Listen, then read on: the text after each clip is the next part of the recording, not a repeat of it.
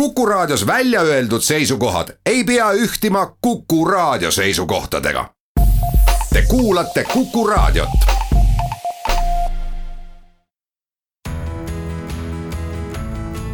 kuku Raadio nädala kommentaar.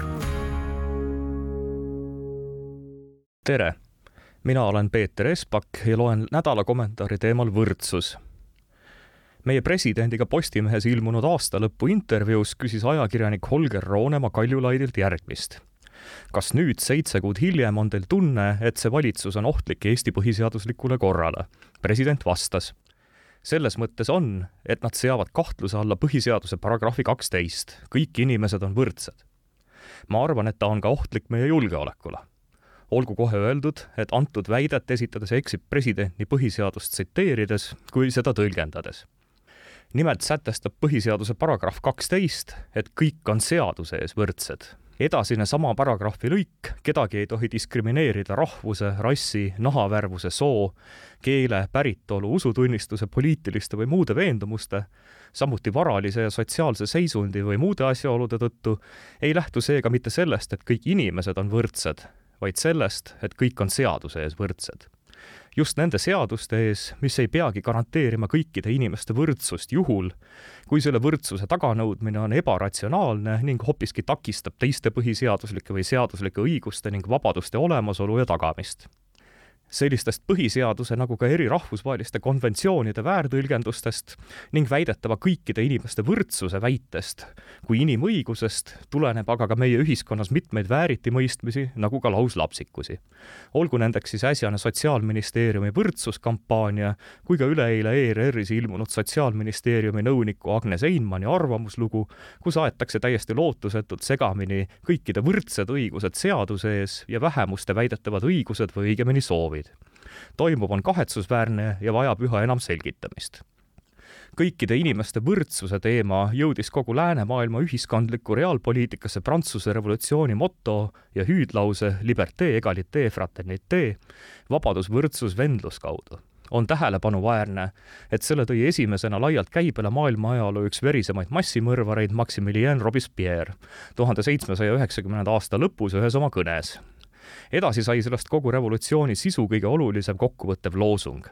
pärast revolutsiooni uppumist omaenda esilekutsujate verre ja normaalse elukorralduse taastumist defineeriti ja mõtestati algsed utopistlikud arusaamad võrdsusest ümber, kuigi poeetiline hüüdlause jäi siiski kasutusse ka hiljem nimelt saadi aru paratamatusest, et kõikide ühtmoodi vabadus ning samal ajal ka võrdsus ning lisaks vendlus korraga ei saa päriselt eksisteerivas maailmas toimida ega olemas olla kuigi pea kõik kaasaegsed riigikorraldused tunnistavad kodanike võrdsust seaduse ees ning ka põhimõttelist inimese positsiooni ja staatuse lähtumist tema enda isikuomadustest ja tegutsemisest, mitte kõrgemalt poolt sünniga ette antud seisusest, muudab kõikide kodanike võrdsuse võimatuks asjaolu, et eri indiviidide poolt saavutatu või tehtu võrdsus ei ole lihtsalt võimalik kuigi võrdselt inimestena ning võrdsete õigustega seaduse ees sündinud, ei ole võimalik see, et kõik oleks võrdselt andekad, töökad, võrdselt edasipüüdlikud. Pole ka võimalik, et kõikidel oleks elus võrdselt õnne ja juhuseid nagu sünnivad kõik inimesed ka väga erinevate füüsiliste ja vaimsete omaduste ja võimetega.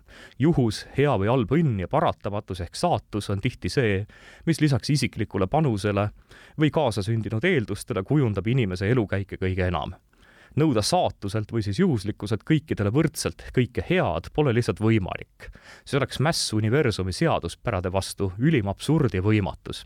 ka ükski usund ei jutlusta, et õndsaks või paradiisi saavad võrdselt kõik inimesed, vaid ikka need, kellel on piisavalt vaimuvalgust kõikidel inimestel on seaduse ees võimalus samu õigusi ja vabadusi kasutades ennast teostada. aga selline õigus ja vabadus ei garanteeri seda, et kõik mingi konkreetse inimese poolt loodetu ka saavutatakse või tehtu tulemusi annab. kõikide inimeste võrdsust absoluudina saaks seega saavutada ainult juhul, kui vähem võimekatele või ka vähem õnne omanutele teha järeleandmisi ja soodustusi ning võimekatelt ning rohkem õnne omanutelt omakorda võtta sunniviisiliselt nende töö ja arengu jooksul saavutatu ära. muuta kõik võrdseks või taotleda kõikide kõikide võrdsust tähendabki seda, et sunniviisiliselt peab represseerima ühte ühiskonnaosa edukamaid, õnnelikumaid või andekamaid, selle nimel, et teine ühiskonnaosa vähem edukaid, õnnetuid ja andetuid saaks olla samal võrdsuse astmel. seega ühte osa ühiskonnast surutakse alla, teist aga edutatakse. mõlemal juhul meelevaldselt, ilma arvesse võtmata nende tõelist panust või ka loomulikke isikuomadusi. see aga omakorda läheb vastuollu vabaduse ning loomulikult ka vendluse põhimõttega. kellelegi ei ole õigust inimeselt miskit võtta, mis on tema oma, tema saavutatu või mis tuleneb tema loomulikust andest. nagu on ebaõiglane ka see, et vähem saavutanud põhjendamatult teiste rohkem saavutanute ees eelistatakse. ühiskond, mis taotleb sunniviisiliselt kõikide võrdsust, ei ole enam vaba ega ka vennalik, vaid eelkõige kõikide inimeste vaba eneseteostust alla suruv diktatuur. ei ole võimalik, et kõik on võrdsed hüvede või õnne osas.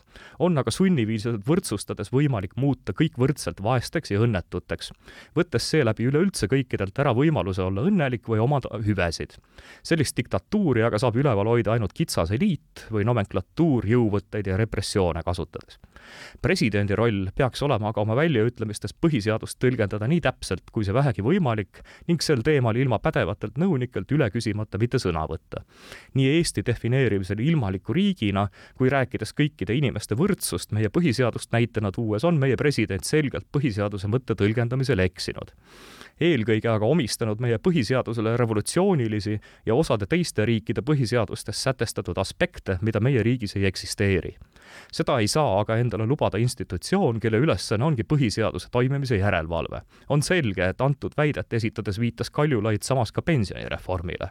nimelt on ammu teada, et reformi takistamiseks võeti viimase õlekõrrena kasutusele ka seadusemuudatuse võimalik vastuollu minek põhiseadusega, et siis presidendi ja edasi ehk loodetult Riigikohtu menetluse ajaks reform võimalikult venitada kuid presidendi antud väljaütlemise puhul ei ole kõige problemaatilisem mitte see, et Kaljulaid on asunud esindama opositsiooni ja konkreetsete erakondade, huvigruppide ja maailmavaate hube, mis on samuti meie põhiseadusega vastuolus, vaid asjaolu, et president, kes peaks olema põhiseaduslikkuse järelevalvajaks ja garanteerijaks, eksib põhiseaduse tõlgendamisel ja isegi tsiteerimisel.